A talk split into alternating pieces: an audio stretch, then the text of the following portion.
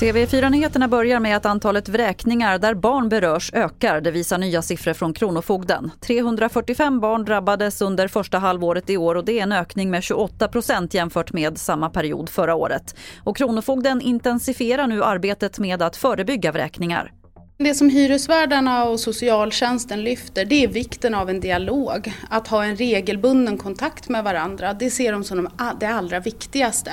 Men sen också att socialtjänsten då får förutsättningar att så tidigt som möjligt plocka upp de här barnfamiljerna. För det kan vara andra stödinsatser som behövs snarare än att personen eller barnfamiljen går så långt som att det kommer till en vräkning. Det sa Reza Saleh Bars på Kronofogden. En man i 60-årsåldern hittades skjuten utanför en villa i Åkersberga norr om Stockholm igår kväll. Hans skador beskrivs som allvarliga men inte livshotande. Polisen utreder om det finns kopplingar till andra våldsdåd men säger att det är för tidigt att säga än. Ingen misstänkt är gripen.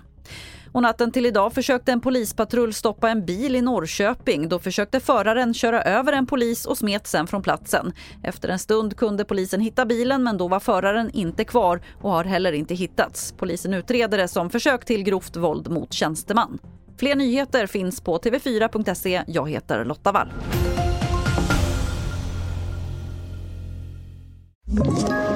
Ett poddtips från Podplay. I podden Något Kaiko garanterar östgötarna Brutti och jag, Davva, dig en stor dos skratt. Där följer jag pladask för köttätandet igen. Man är lite som en jävla vampyr. Man har fått lite blodsmak och då måste man ha mer. Udda spaningar, fängslande anekdoter och en och annan arg rant.